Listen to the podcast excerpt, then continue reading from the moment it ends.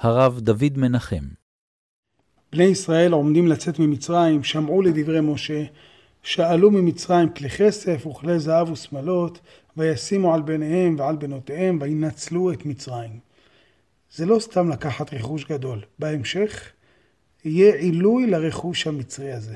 ספוילר, בהמשך הכסף והזהב יינתן אל המשכן. המשכן ייבנה מזהב, כסף ונחושת שיוציאו ישראל איתם ממצרים. היציאה הזו של ישראל ממצרים היא גורמת לכמה עילויים של המציאות המצרית.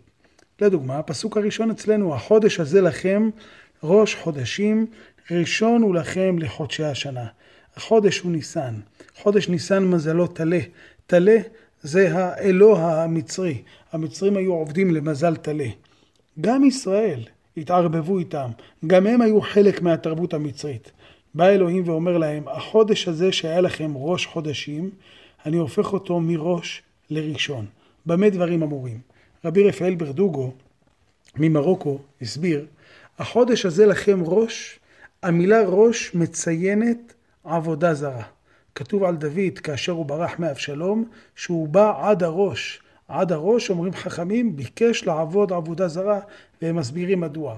גם בני ישראל כאשר הם אומרים בוא נחזור למצרים, הם אומרים ניתנה ראש ונשובה מצרימה. זה עבודה זרה. העבודה זרה הזו, שהיא רוצה לתת את תודעת הראש לטבע, לטלה, לעבודה זרה. היא נותנת את הביקורים למה שמצרים מייצגת, הטבע. בא אלוהים ואומר להם, החודש הזה שהיה לכם עד עכשיו ראש חודשים, מעתה מראש הוא הופך להיות ראשון. ראשון זה הקדוש ברוך הוא, עליו נאמר, אני ראשון ואני אחרון, ומבלעדיי אין אלוהים. בואו תתעלו לאלוהים שמעל הטבע. אל תצטמצמו במידת הטבע. גם הבצק שלא החמיץ, גם הוא מלמד על ההיפרדות של ישראל ממצרים. המצרים הביאו את תהליך ייצור הלחם לדרגת אומנות. הם כונו על ידי היוונים אוכלי הלחם. אמנם הם לא הכירו את פעולת שמרי הבר, אבל הם הבחינו שטעמו ואווריריותו של הלחם משתפרים אם מוסיפים לקמח חומרים אחרים. אז הם ניסו כל מיני שיטות התססה שונות באמצעות הוספה של דבש, תמרים קטושים, שאריות ממה שנמצא מכל מיני שמרים, לטת וכדומה. המצרים הם הראשונים שעושים לחם כמו שצריך. בזה אני הסברתי את דברי יוסף כאשר אשת פוטיפר מנסה לפתות אותו. הוא אומר לה, הן אדוני לא ידע איתי מאומה, כי אם הלחם אשר הוא אוכל. והמפרשים ניסו להסביר מה זה הלחם אשר הוא אוכל.